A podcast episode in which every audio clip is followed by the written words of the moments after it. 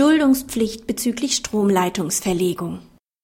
Ein Abwehranspruch des Grundstückseigentümers gegen die Verlegung von Stromleitungen besteht nicht, wenn er selbst Anschlussnehmer ist.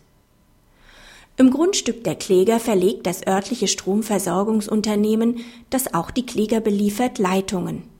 Mit der Klage begehren die Eigentümer deren Entfernung, weil diese Leitungen auch im benachbarten Straßenkörper verlegt werden könne. Der BGH lehnt diese Forderung ab. Nach 8 Absatz 1 Sätze 1 und 2 AV Belt V muss jeder Stromanschlussnehmer, soweit er auch Grundstückseigentümer ist, dulden, dass Leitungen auch durch sein Grundstück geführt werden. Dies gilt auch in Fällen, in denen eine Verlegung im öffentlichen Verkehrsraum technisch und rechtlich gleichermaßen möglich ist.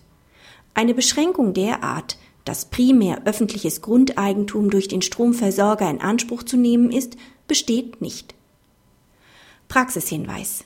Die Entscheidung zeigt, dass oftmals Grundstückseigentümer ihre Pflichten nicht ausreichend kennen. Jedenfalls ist die Regelung des Paragraphen 8 Absatz 1 AV Belt V sozial adäquat, weil ein Anschlussnehmer nicht den Vorteil der eigenen Belieferung zu Lasten anderer haben soll.